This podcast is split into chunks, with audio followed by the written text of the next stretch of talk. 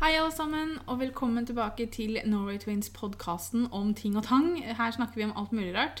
I dag så skal vi ha en samtale med noen, og vi skal ha en samtale med Mari. Mari er en av våre beste beste venner. Dere hører at vi snakker om henne hele tida. Særlig på YouTube og sånn, så er det alltid Mari sånn og Mari sånn. Og nå har Mari sagt ja til å være med oss og prate om ting og tang, og det syns vi jo er veldig hyggelig. Så dette er Mari. Hei, hei. Pia er LO, da. Ja. Men ja. Eh, Marit har vi vært venner Marit, faktisk. Hva het du igjen? Hmm, Nei. Mari har vi vært venner med siden 2006. Ja. 2006. ja. Og hjelpes, det er 13 år, det. Pia husker det som det var i går. Vi hadde nettopp flytta til eh, Søndre Elvegate. Da skulle Maria komme på taco, og da hadde hun med seg Mari. Mari er da bestevenninna til Maria, så vi har treffet henne gjennom Maria. Og er veldig takknemlig for det. Pia, som dere kanskje har skjønt etter å ha hørt på oss prate og, og sett på oss på YouTube, sånn, Pia er ikke så veldig glad i å møte nye folk, da. Så hun var litt redd for Mari, kan vi vel si. Altså, jeg var, veldig skummel. ja, kjempeskummel var du.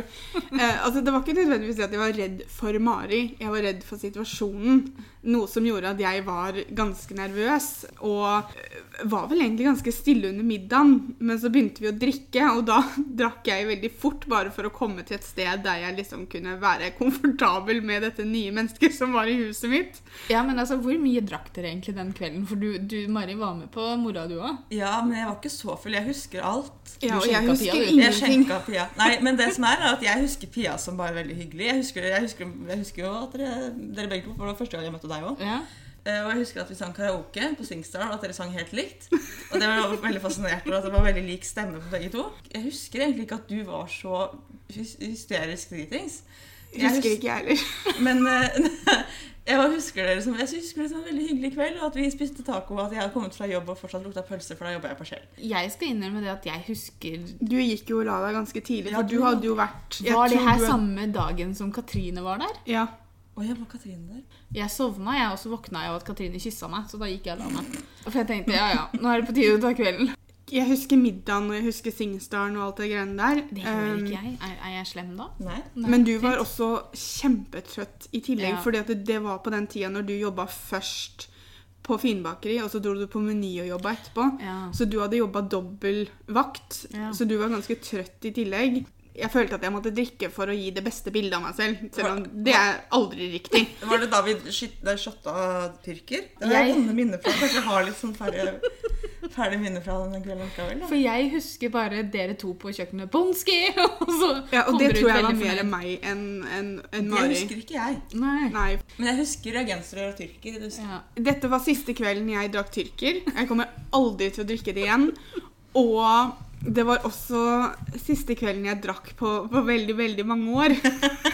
Det er ødela jeg det. Sånn, sånn 15 år eller noe. Jeg har jo nettopp begynt å like smaken av alkohol igjen. ja. Og det er virkelig ikke Mari sin skyld. Det var Nei. bare det at det falt på kvelden jeg traff Mari. Og det som skjedde også, var Unnskyld.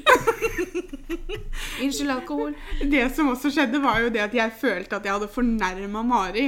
Og da skulle jeg gjøre det godt igjen. Og det var der det tippa over, og det er etter det jeg ikke husker noe mer. Fornærma Mari? Jo, jeg var ganske full fordi jeg sendte den meldingen til eksen min.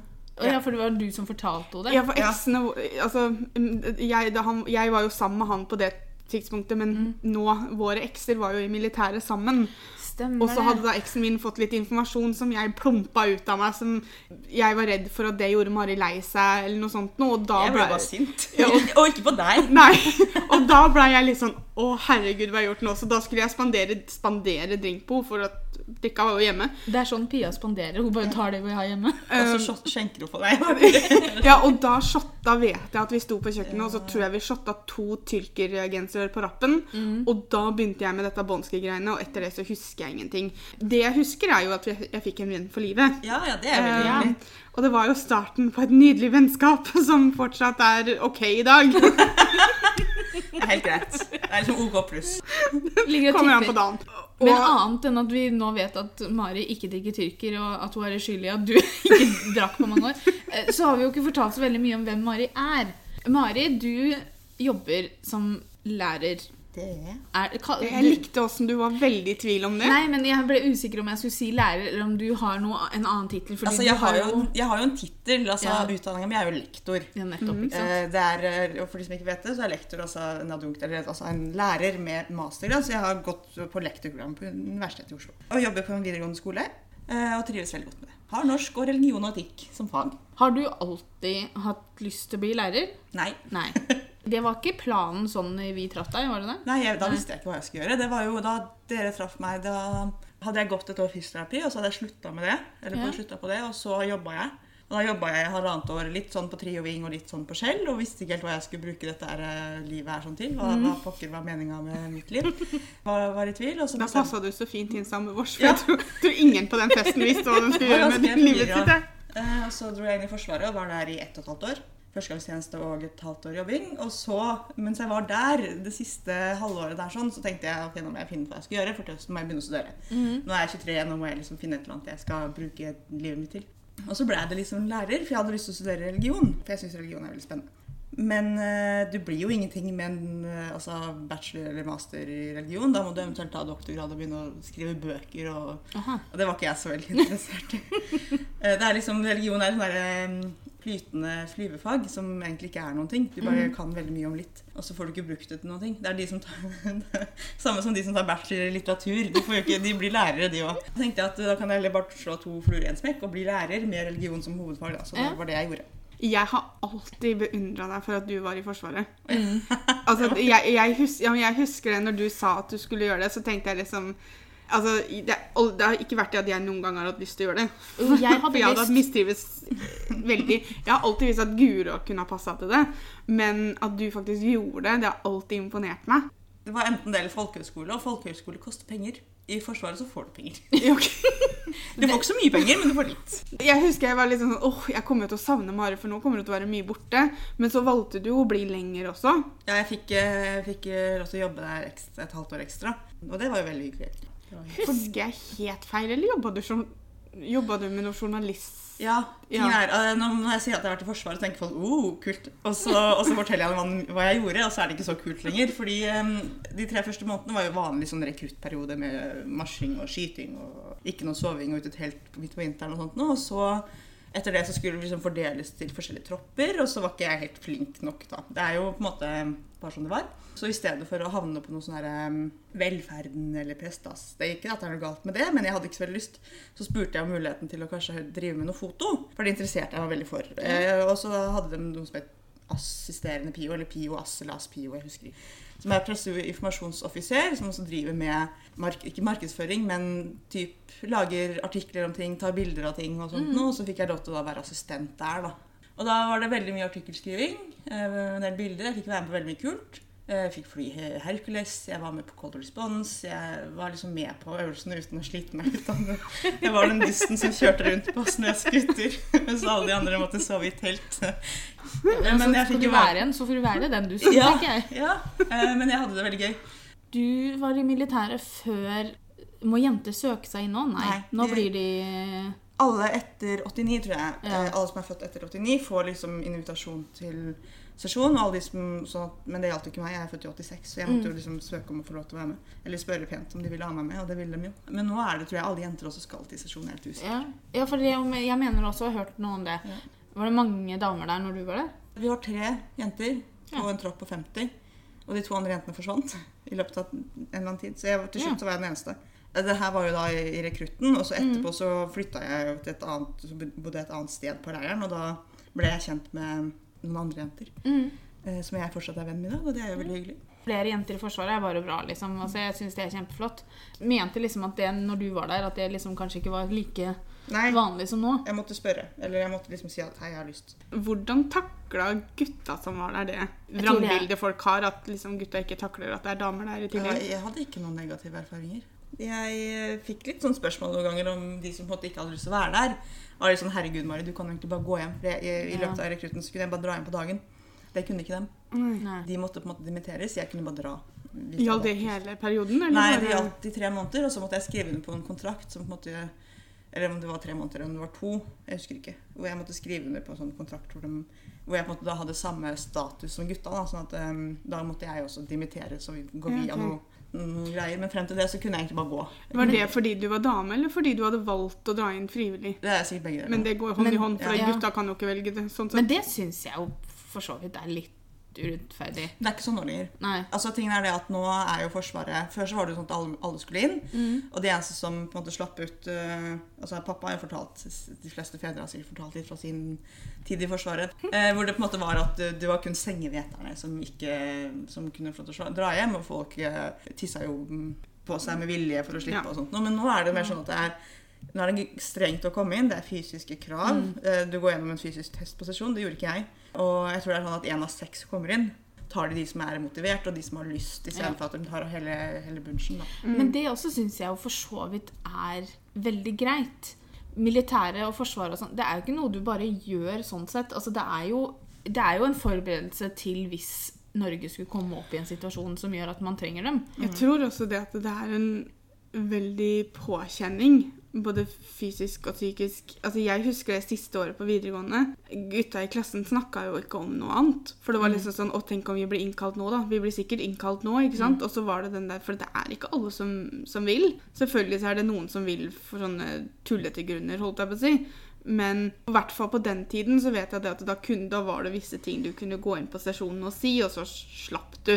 Og det var jo noen som sa det, selv om de ikke nødvendigvis mente det bare for å slippe. Ja, Var det ikke det at du kunne si at du var imot våpen? Pasifister, men de måtte ta siviltjeneste. da. Ok. Altså, Sivilforsvaret er ikke det samme som militæret Det er det i det hele tatt. Også sivi- siviltjeneste er jo ikke Sivilforsvaret, men det er type jobbe som miljøarbeider på en skole et år. Altså, okay, ja, de, sånn, de ja. gjør sånne ting, da. Ja. Ja. De, er, de får på en måte andre typer oppgaver. Eller, Ja. Jeg vet ikke helt, for jeg har ikke gjort det før. Men, men det er, eh, jeg vet det at eh, mange blir liksom jobbende i sånn type miljøarbeiderstillinger. Ja. De som da går inn og sier at de er pasifist. Men det at du har vært i Forsvaret, var det det som frista deg til å bli med i Røde Kors? Mari er med i Røde Kors, så tar vi av oss hatten for det òg. For å svare på spørsmålet ditt, nei. Men jeg er altså i Røde Kors hjelpekorps i Moss. Verdens beste hobby. Nå kommer det skikkelig sånn her eh, Ja, vær så god. skryting. Neida. Men, eh, men det er det. det er, vi driver med førstehjelp. Og sanitetsvakter og søk og redning. Folk som har gått seg bort i skauen. Demente som har forsvunnet og, og sånne ting som vi leter etter. Det er jo litt sånn som vi gjør i Sivilforsvaret òg. Og Er det Røde Kors som på en måte tilkaller Sivilforsvaret hvis de trenger mer hjelp, eller Nei, er det noen andre som det er som politi og brannmann og Det er politiet som er vår Når det kommer til søk og redning, så er det politiet som bestemmer. Det er de som bestemmer at nå må vi ha Røde Kors inn i bildet. For jeg, jeg husker at jeg var veldig frista til å melde meg inn i Røde Kors etter Sivilforsvaret, for jeg syns Sivilforsvaret var så morsomt. De sa, som hadde liksom disse kursa og sånn der oppe, de sa det at det er mange som går fra Sivilforsvaret og melder seg inn i Røde Kors. da. Men så var det en fjott som sa til meg at eh, Og han hadde vært med på en sånn øvelse for Røde Kors, og da var det noen som hadde blitt intubert. Og jeg bare Jeg skal ikke intuberes, takk. Det er bare tull. Ja. eh, Og det har jeg jo skjønt etterpå, for du kan ikke intubere et våkent menneske. Det tror jeg er ganske, ganske vanskelig. Og risikabelt. Men det skremte meg faktisk vekk fra Men da kan du vite nå at jeg har inside info, og det stemmer ikke. Det er ikke noe intubering. Vi kan ikke drive med det medisinske i det hele tatt. Nei. Vi driver kun liksom grunnleggende førstehjelp. Ja. Og hvis du har lyst til å være med, så vær så god. Takk. Det er veldig hyggelig, det er veldig gøy, Ja. det er veldig sosialt. Ja. Og det er kjempemorsomt. Og du lærer veldig mye. Og jeg kan, du, lærer, du lærer såpass mye at du på en måte blir Jeg føler meg liksom litt tryggere. Litt Mm. trygg. Ikke trygg i det hele tatt. Fordi når man kommer til et, en situasjon hvor man behøver å utføre førstehjelp, da, så Ja. blir man litt sånn eh, Uansett hvor mye kursing man har, så blir Ja. man litt sånn stressa. Men jeg føler meg litt tryggere, og det er en veldig deilig følelse å vite at ok, hvis Mm. det skjer, så vet jeg hva jeg skal gjøre. For en uke siden så kom jeg over en person som øh, hadde veldig lavt blodsukker, og muligens også kanskje diabetes, som da trengte hjelp. Og da visste jeg på en måte hva jeg skulle gjøre. Betryggende følelse å ha. At Mm. man vet hvert fall kanskje litt hva man skal si. Man skal sjekke pust, man skal sjekke puls. For det merka jeg etter Sivilforsvaret òg. For der var du, du får trøkka ned i halsen. ikke sant? Og det, jeg kan gå her og si at jeg er så trygg som meg det, men når du først dukker opp i en sånn situasjon, så kan du jo bli litt småstressa. Jeg vet jo enda ikke åssen jeg reagerer på en sånn situasjon, men det er betryggende da, å ha den ekstra kursinga, på en måte. Og jeg syns sånne ting er veldig, veldig gøy. Ikke gøy. Jo, gøy. Er det lov til å si at det er gøy? Altså, jeg syns det er gøy. Vi hadde storøvelse i Moss sentrum for ikke lenge siden. Da var det veldig mye blod og skriking og sånt, og det var veldig gøy. Stressende, men det var gøy etterpå. Hadde det her vært en reell ting, så hadde du ikke sittet igjen med det. Den Nei, følelsen. nei, nei. nei, sant? Nei, for det er et eller annet med det at du vet at det er øvelse, men jeg, jeg er også veldig sånn Jeg setter litt sånn krav da, til disse øvelsene. For jeg har vært med på øvelser i Sivilforsvaret hvor det skulle være ganske Det var en stor øvelse med liksom flykrasj, og det var ikke måte på. Og jeg var på pårørendesenteret hvor de som skulle liksom spille pårørende, ikke er med på leken. Og så tenker jeg, de melder seg jo sikkert til å være med. Mm. Og så når jeg skulle sitte da og liksom intervjue dem og liksom ta Ok, hvem er det du savner? Kan du gi meg en beskrivelse? Og så var det sånn Ja, hva vil du jeg skal si? Og så bare sånn «Øh, Nei, jeg vil jo at du skal vite den før du kommer hit, for at det her er det jeg må øve meg på. Mm. Så jeg setter ganske store, eller høye krav da, til en sånn øvelse at man må faktisk spille med hele tiden. Og da kan du være med i Røde Kors, vet du. Fordi vi, i den øvelsen jeg nevnte i stad, den store øvelsen vi hadde i Moss sentrum, så var det folk som skrek. Ja. Og de hyla i Jeg husker ikke hvor lenge vi holdt på, en halvtime kanskje. Hun ene hyla en halvtime. Og Det sånn at det, de, de, de, de går ikke ut av rollen sin der, altså. Nei, og det er veldig, veldig bra. Ja, men det var jo sånn den ene øvelsen dere hadde i Sivilforsvaret, når, han, når du måtte si til han som satt bak deg at du må slutte å riste i meg, for du dreper mora di. Ja, for du skulle hadde- være mora hans, så du hadde hadde- brekk nakke. Ja, altså Vi hadde en sånn øvelse i Sivilforsvaret. Vi var fire stykker i en bil. Det var jeg, som da var mammaen, som satt på passasjersiden. Og så var det pappaen som hadde kjørt, og han var bevisst, og han lå over rattet. Og så hadde vi to unger da som satt bak. Og det var jo da folk som var i Sivilforsvaret sammen med meg. Og så fikk vi et sånt kort på oss som skulle henge på, fordi jeg skulle også være bevisstløs fordi at jeg hadde tydeligvis da brekt nakken. Det sto på kortet mitt. Og da var det sånn dere, Vær bevisstløs, ikke lokk opp øya. Og jeg bare OK. Og så satt jeg der, og så skulle jeg liksom Og så han som satt bak meg, som da var sønnen min, han skulle ha panikk. Så han tok tak i setet mitt, og så begynte han å riste mens han hyla. Og det var jo før disse folka kom fram til oss. Så jeg måtte liksom Gutten min, nå må ikke du riste i mamma, for mamma har brekt nakken. Så han bare, å ja, så han begynte å riste i døra isteden. Der holdt jo du helt karakter helt til de skulle bære deg ut av bilen, så du Ja. holder ikke helt dine egne krav. Nei, jeg vet det, og, jeg, og det irriterte meg. Men, men det var plutselig folk som måtte løfte meg ut av bilen. Og da var det sånn, jeg lokka opp øya, Eller jeg lokka ikke opp øya, det skal sies, men jeg var sånn Jeg kan godt gå ut selv, altså, for jeg er ganske tung. Og de bare Guro, sitt rolig. Jeg bare Ja, men det kan seriøst bare gå ut av bilen. Og de bare Nei. Det skal sies at de klarte å løfte meg helt fint ut av bilen. Og var veldig flinke. Stabiliserte nakken min, og det var helt, veldig, veldig bra. Jeg syns sånne ting er veldig morsomt, fordi at man lærer så mye av det, f.eks. Du kan bli med på en korpskveld i Røde Kors scene, bare for å se hva vi gjør. Altså Nå er jo jeg eh, la oss kalle det sykmeldt fra Ja. Sivilforsvaret pga. kroppen. og sånn da. Eh, Men så fort jeg blir friskmeldt til sånne ting, så, så kunne jeg faktisk tenke meg kanskje å vært med. altså. Ja, fordi det, det går an å bli med bare se. Ja. Eh, Jeg er også det som kalles for hva heter det? medlemsansvarlig. Jeg tar- med av nye medlemmer. Ja, Sånn Men da, at- da kan du ta av meg, kanskje? da. Er det noen rundt det bordet her som passer til det, så er det jo dere to. Altså, jeg, jeg, jeg, jeg bare heier, jeg. Jeg sier god jobb, bra jobba, flinke dere er. Sier jeg. Finnes andre ting i Røde Kors du kan være med på? da? Omsorg, f.eks. Besøke ensomme mennesker på gamlehjem. Ja, ak- akkurat det hadde kanskje passa meg bedre enn akkurat dette hylling av strikking av blod og sånn. Jeg, jeg, jeg er ikke så glad i blod, har jeg oppdaga.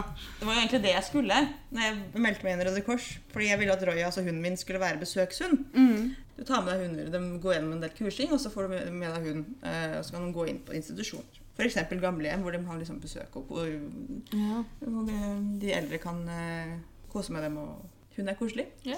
Eh, Nå, ja, nettopp når vi først snakker om hund. Du har jo hunden Roya, Ja. som vi alle er veldig veldig glad i. Ja. Og jeg ikke er redd for. Bare Ja. sånn at det er sagt. det er. Jeg er redd for hun da. Det er derfor jeg sier det sånn.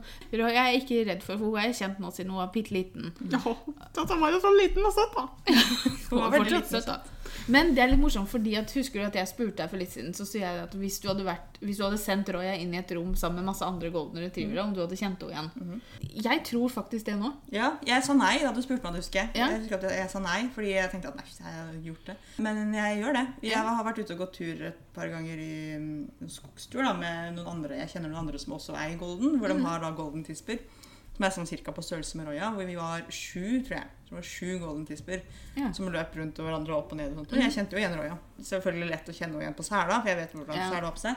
Men jeg kjente også igjen liksom, på utseendet hennes. Det var jo hyggelig. Ja, for det var når vi skulle bade nå her om dagen, når Mhm. vi var i Nesparken, så gikk, kom jo jeg og Petter litt før deg, og da gikk vi bortover mot stranda der. Og der sa, når vi kom litt langt unna, så så vi at det satt en golden retriever der. Og vi visste ikke om Røya skulle være med eller ikke.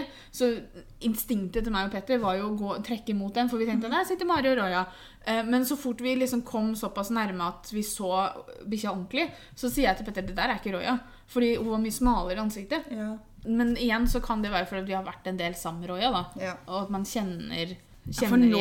Roya ser jo ut som eh, Roya, holdt jeg på å si. Det er nesten litt sånn som med babyer, at kanskje når de er valper, så, så kan de se litt like ut, og så Men når de blir eldre, så får de bare mer og mer personlighet. For nå er det litt sånn personlighet i Roya også, som sier liksom Å, dette er Roya. Ja, og så er det jo ting ved, eh, ved henne som gjør at jeg kjenner henne igjen. Det er jo, Hun har liksom eh, en verv midt oppå nesa, f.eks. I håret. Som, ja. Så smiler hun. Ja, men det altså, Ok, det skal jeg innrømme at det, jeg liker ikke at hun koser seg så mye. For da smiler hun til meg, og da gliser hun, og så tror jeg hun skal bite meg. Jeg lager hun liker ikke at hun koser seg så Altså, mye. selvfølgelig er det koselig at hun koser seg, hun må bare kose seg, men da blir jeg litt sånn smånervøs. da. For, Ja, hun ser jo veldig skummel Hvis man er litt skeptisk til hunder, så er det selvfølgelig litt skummelt. Når for det er litt sånn glis sånn 'nå skal jeg komme og ta deg', glis, ja, syns fordi. Hun viser tenner, og så Ja. lager hun litt lyder, og så er hun helt opp i trynet ditt, for hun syns det er helt fantastisk. Og det kan jeg forstå at folk syns er skummelt, fordi hunder som viser tenner, er jo egentlig et tegn på at de er aggressive. Men så må man lese resten av hundekroppen og Ja. hundespråket også, da. Det med halen og øra og resten av kroppen og sånt. Da. Altså, jeg er 100 sikker på at hun ikke kommer til å gjøre meg noe. Men det er bare, det blir litt sånn hm, der, der er tenna dine, ja. Ja. Du Ja, har så ja. mange. Skarpene. Det var jo her om dagen, så møtte hun i, i borettslaget jeg bor i, så var det fire barn som hadde lyst til å klappe henne. Ah, ja. Og jeg ble litt sånn Ok, nå kommer det fire barn løpende mot hunden min. Hun la seg ned på ryggen og begynte å bare Nei, nå skal vi kose. Så hun er en veldig snill hund. Ja. Det er ikke så mye som skremmer henne sånn sett. Hun er jo på en måte snilt, uh, vakkert lite vesen som Mm. Har det å ha hund har det vært sånn som du trodde det kom til å være? Ja. Jeg visste at det kommer til å bli mye hår. Det er veldig mye hår. Jeg har kjøpt meg robotstøvsuger. Det er det beste kjøpet jeg har gjort. Altså, Nå har jo vi bytta sofa, da, men når vi, til og med til siste dagen vi hadde den andre sofaen, så Nei, men her har Roya vært. Ja. Så det er hår overalt. Sofaen min er ødelagt. Det, jeg, det er bare som det er. Ja. Jeg kjøpte meg en ny sofa da jeg flytta inn for tre år siden, og den er nå ødelagt. Eller han er ikke ødelagt. Sånn- Preget av hund. Preget Ja. av hund og den prisen man betaler når man er dum nok til å la bikkja være i sofaen. Ja. Du som hundeeier, hva er det som irriterer deg mest med andre? Som da kanskje ikke, er, kanskje ikke har hun selv? Eller hva er det folk ikke tenker på når du er ute og går med Roya, f.eks., som man burde tenke på? Det med de med ungene da, som kommer løpende mot og Spør alltid først om de får lov til å hilse. Ja. De får alltid lov til å hilse på Roya, men så lenge de spør først, og la alltid hun, Roya eller hun hilse på deg. Altså det vil si lukte på deg. Det er liksom Ja. det viktigste som jeg syns. Nå er ikke jeg veldig sånn Jeg er ikke en person som irriterer meg veldig over ting eh, som I hvert fall ikke når det kommer til hunden min. Fordi Mm. Jeg vil at eh, hvis folk vil hilse på henne, så får all del gjøre det. Bare ikke spør, altså, spør meg først, da. Og jeg vil at hun skal hilse på andre hunder. Det gjør meg ingenting i det hele tatt. Det er ikke Mm. alle som vil hilse på henne fordi hun er litt ivrig og litt stor. Altså, nå har jo jeg veldig respekt for hunder, Mm. fordi at jeg er litt sånn smånervøs og redd og sånn. Men jeg husker jo det fra Nea jeg og Pia var små. Altså, vi var så glad i hunder. Vi hadde jo så lyst på hund selv. Så jeg vet jo meg selv at jeg har gått opp til både fire og fem hunder, jeg, som ikke eieren har vært i nærheten, f.eks. de som har stått utenfor en butikk. Eller med eiere hvor ikke jeg har tenkt på det å spørre først. Mm. Du bare ser en hund, og så er det sånn, å, ikke sant? Og så går du på. Ja. Det er lurt å spørre fordi at det er ikke bare for eieren av hunden sin skyld, men det kan være at hunden Det er noe med hunden som gjør at kanskje ikke det er greit det er greit å ikke gå- rett bort, eller at det er greit at eieren har en viss kontroll før man gjør det. Det finnes jo nervøse hunder også, holdt jeg på å si. Ja. Det å binde hunden sin foran butikker er jo Det er jo ikke lov. eller, altså den, den, eller loven kan man på en måte tolke på forskjellige måter. Vi har lest, altså, Det er jo en del av hundeloven. og det står at man ikke skal binde hunden i nærheten av inngangen til butikken. Okay. Det vil si at Enten så er det ikke lov til å binde opp hunden Mm. utenfor butikken for hundens beste, eller så er det ikke lov til å binde opp hunden utenfor butikken, altså utenfor inngangen, sånn at Mm. den kan være til sjenanse for andre mennesker som er redd eller allergisk. Jeg tolker den sånn som den siste delen er sånn. Hvis jeg mot formodning er, altså jeg er aleine med hund jeg, Noen ganger så må jeg Mm. innom butikken når vi går tur. Så binder jeg henne liksom langt unna, eller et stykke unna inngangen. Hun legger seg bare ned og er helt rolig. Men det man risikerer, er at noen eventuelt kan gå bort, og så blir hun redd, og så biter hun. Og det går utover Roya. Altså Hvis det for eksempel er et barn da, så blir hun avlivet. Eh, Det kan også bli avlivet hvis det er en voksen person. Fordi hunder som viser aggresjon og biter, kan risikere å bli avlivet. Og det har jeg jo ikke lyst til, og det er jo da mitt ansvar som Ja. eier, at jeg ikke skal eh, sette Roya i en situasjon hvor hun kan bite. Fordi selv om jeg sier at Roya er verdens hyggeligste hund, så kan hun bite hun også med alle andre hunder. Ja, Ja, for hun kan jo bli redd, hun òg. Ja, det er ikke bare det, og men sint, og Ja. hun kan bli plaga. Altså, det er, det, hunder er hunder, og de har instinkter. Og Mm. de sier ifra. Altså, sosialisert, godt sosialiserte hunder har en del tegn på forhånd, eller Mm. i forkant, som jeg, som jeg kjenner til. Sånn som dempa signaler. Mm. De viser ting med øya, med munnen og med kroppsspråket sitt. At nå, de, nå syns de det er ubehagelig. Og er de godt sosialiserte med mennesker og andre hunder eller med dyr, så, så viser de det på en fin måte, som gjør at du kan, okay, ta hunden ut av denne situasjonen. Men det er ikke alle hunder som er sånn, og det er noen ganger folk, altså hunden kan bli veldig redd og tenke at å hoppe over alle disse her stegene og så bare gå rett til bitinga.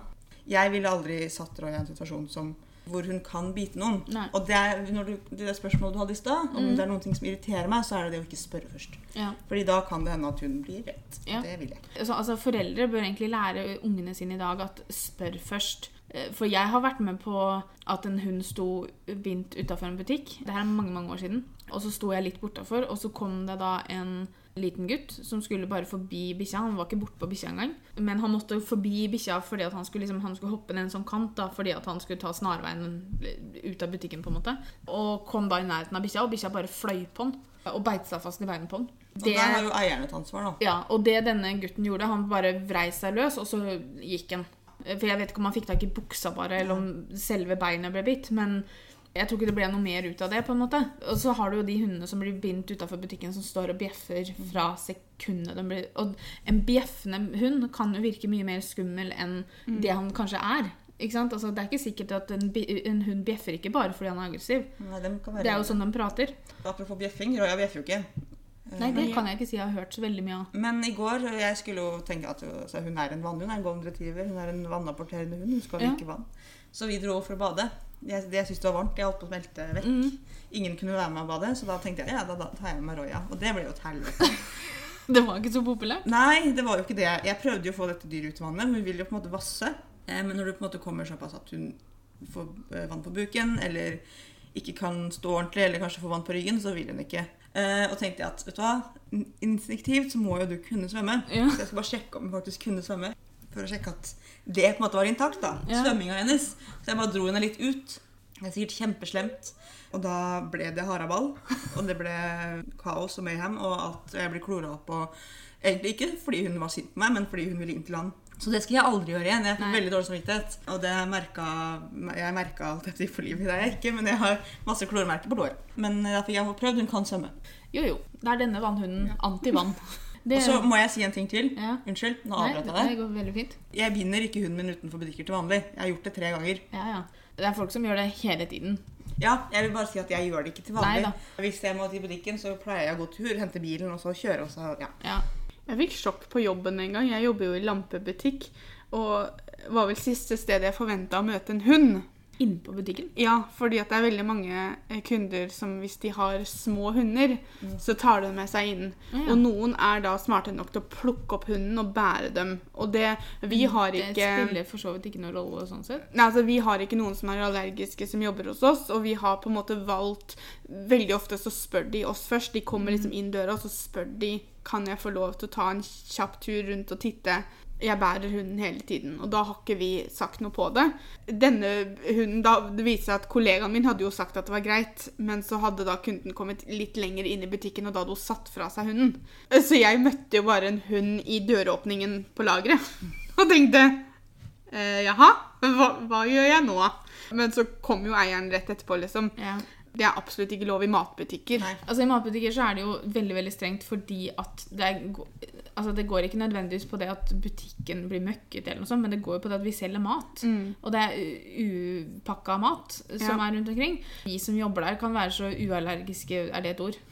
Ikke allergisk, eh, som vi bare vil. Men vi har mange andre kunder Mm. som kan være allergisk. Hadde jeg plutselig møtt på en bikkje inne i butikken, så hadde jeg blitt redd. Man må ha respekt for at selv om du Selv om man har hund selv, da, og er veldig glad i den hunden, og sånne ting, så må man respektere det at alle andre rundt deg er nok ikke like glad i den, eller har like stor toleranse for pelsen, f.eks., eller sånne ting. Etter at du fikk Roya, så har jeg faktisk fått lyst på hund. Koselig, men det er mye jobb. Jeg har sagt til Petter at hvis vi skal ha hund, så får vi få hunden etter at vi har fått barn. Jeg har lyst på ungene først. Jeg vet ikke hvorfor. Men jeg har lyst på hund, da. På grunn av at det her skal være en sånn samtale med Mari-podkast, så har vi noen spørsmål som vi spør alle som vi har disse samtalene med. Ingen feil svar. Er dere sikre på det? Ja, for du fornærmer ingen. For første spørsmål er hvem tror du hadde kommet lengst i Farmen? Du eller en av oss? Oh, helt pluss meg. Jeg tror vi alle sitter og vet svaret, så det er bare å si det du tenker. Jeg tror kanskje egentlig jeg, Ja. men, men Jeg jeg tenker også kanskje Guro. Ikke no offense. Nei da, men jeg er veldig klar over akkurat svaret på det her. Jeg, tror, jeg, jeg, jeg er veldig spent på hvem jeg noen gang skal sitte og prate med som kommer til å si meg, og jeg kommer til å være enig. Det har ikke jeg sett så veldig mye på Farmen, men disse tvekampene hvor de skal holde sånn her melkespann, Å, herregud. sånn i 90 graders vinkel med armene, eller Jeg hadde jo ikke klart å løfte melkespannet opp av bakken engang. Men det vet jeg ikke om jeg, for jeg er ikke så veldig god sånn statisk. Hadde jeg skulle meldt meg på et sånn reality-program, så hadde det måttet blitt Farmen. Men jeg syns det er så teit med alt det spillet som foregår i Det at man skal sabotere ukesoppdrag og Det alt det jo der. Jeg det er jo et spill, så noe spill må man regne med. Men det er, jeg syns det er viss, altså det er forskjell ikke- på type spill. Og nå har det blitt For de første sesongene var ikke sånn. Nei. Men nå har det blitt så veldig det at alle går inn der og skal liksom ødelegge så mye som mulig, for det er sånn de har tenkt å vinne. Ja, for Kan ikke spillet bare være at ok, vi samarbeider om å drive denne gården, men så fort tvekampene kommer, så må vi kjempe? Jeg hadde ikke vært TV. For det er det det går på nå. ikke sant? Ja. Det må være bra TV. Så jeg tror nok det at hvis ikke deltakerne gjør det sjøl, så blir det nok noe pushing fra Ja. produksjonen, eller litt sabotasje der også, antageligvis. Men vi kan, jeg tror jeg er veldig enig med deg, Mari. Jeg tror nok du hadde kommet best ut av, eh, av Farmen eh, av oss tre. Men jeg hadde nok tatt andreplassen av oss tre. Absolutt. Jeg hadde tatt fjerdeplassen. Um, Neste spørsmål vet jeg at det kanskje ikke du kommer til å like så veldig mye, men Å, jeg spør likevel. Hva er det beste med deg? Å herregud, nei, det kan jeg ikke svare på. Det, det får jeg faktisk ikke til å svare på. Vi kan svare for deg. Ja, dere kan svare for meg, fordi jeg Nei. Du er veldig, veldig snill. Takk. Omtenksom. Du har en veldig utstråling. Og det, det har jeg på en måte tenkt helt siden første kvelden jeg møtte deg. For jeg husker jo at jeg møtte deg. Um, men du har en sånn utstråling som gjør at de rundt deg blir veldig rolig og veldig positive og veldig glad. At det er vanskelig å være i dårlig humør rundt deg. Selv om jeg er i dårlig, dårlig humør. Ja. Ja. Fordi du smiler. Det skal du ha, for du smiler selv om du er i dårlig humør. Og når du smiler, da stråler du veldig. Da vet ikke jeg hva jeg skal si, men tusen takk. Vær så god. Det er hyggelig. Det beste komplimentet jeg noensinne har fått. Men da, Neste gang du får dette spørsmålet, så kan du bare si det her. Ja, jeg Vi ga deg fasiten. Guro Pia sier at jeg stråler veldig. Jeg må ikke si det, du bare si 'jeg er snill'. Så må du si Ja. 'jeg er omtenksom', og 'jeg har en utstråling som ikke ligner grisen'. Nå er jo du litt politisk involvert allerede, men spørsmålet vårt er hvilken sak ville vært din hjertesak hvis du var politiker? Du må ikke starte dette sånn å si at jeg allerede er litt politisk eh, involvert, og så stille meg et spørsmål jeg ikke nødvendigvis klarer å svare på sånn med en gang. Eh, nei, mental helse. Bedre uh, mulighetene for mennesker med uh, psykiske uh, problemer til å få den hjelpen de trenger. Og da snakker jeg selvfølgelig ikke om altså, Eller jo, jeg snakker jo om alt, men jeg snakker også om de som på en måte bare sliter litt. Og Ja. som ikke er uføre, og som ikke er ikke må legges inn, men de som på en måte faller litt mellom to stoler innenfor dette psykiske, som på en måte kanskje er eh, 100% arbeidsfør, men som sliter litt, og da få, få hjelp. Og det, jeg vet jo at det, det finnes hjelp, og man får hjelp, men jeg mener også at det, Det det er viktig bedres. at det må bedre- det må bedres, og så er det viktig at de hvordan samfunnet på en måte håndterer og møter dem, da. Spørsmål du ofte får som irriterer deg mest? Hva er det beste ved deg? Den skjønte vi at kom, egentlig. Greit om jeg irriterte deg litt òg, da. Hva er én ting du vil at folk skal vite om deg? Hvilke folk? Når du treffer folk, for eksempel, hva er én ting du vil at de skal gå bort fra det møtet med å vite? Hvor snill du er. Jeg har en veldig søt hund. Jeg trodde det skulle være sånn lette, koselige spørsmål som dere kunne avslutte denne podkasten med, og så bare plager dere meg. Ja, vi må, altså, jeg tror jeg holdt på å si at jobben vår var å få folk til å tenke, men altså, det er ikke jobben vår. Men nøtta må jobbe litt. Jeg tenkte jeg skulle være litt dypere, da. litt oh, ja. mer sånn profound. Litt finne en på et- et veldig søt hund. En person i livet ditt som ikke får nok skryt. Må jeg, må jeg velge én? Nei, du kan si to eller tre eller fem. Kan jeg ikke velge alle? Jo. Nei, jeg har en person i livet mitt som jeg syns fortjener veldig mye skryt. Jeg skulle selvfølgelig sagt dere, eller jeg skulle sagt Maria, eller jeg skulle sagt mamma og pappa, eller jeg skulle sagt broren min. Eh, Men jeg sier Lene. Lene er en kollega. Vi har studert sammen. Hun er det flotteste mennesket i verden. Hva er det rareste du tror på? Jeg er jo veldig drevet av logikk og rasjonalitet. Jeg tror ikke på så veldig mye som ikke kan bevises. Altså, jeg er veldig interessert i å se på og høre om ting som konspirasjonsteorier. Jeg sluker det. Men jeg tror ikke på det. Det rareste jeg tror på, er kanskje at hunden min tror på det. Jeg skjønner det jeg sier. Nei, at hunden min noensinne kommer til å høre på nei. Det er egentlig det nærmeste jeg kommer. Fordi alt annet Jeg tror ikke på, jeg tror, jeg tror ikke på noen rare ting. Nei. Annet enn at kanskje hunden min noen gang, en gang i tida kommer til å forstå ordet nei. Jeg har et lite sånn, Det er ikke et av disse spørsmåla, men jeg vet jo det at du er jo veldig glad i å høre på podkaster om diverse teorier og sånne ting. Er det en del av deg som noen gang sitter bare sånn Det er jo noe til hva de sier her, men så tar logikken over som sier nei, vet du hva, det kan ikke, for det er ikke bevis nok.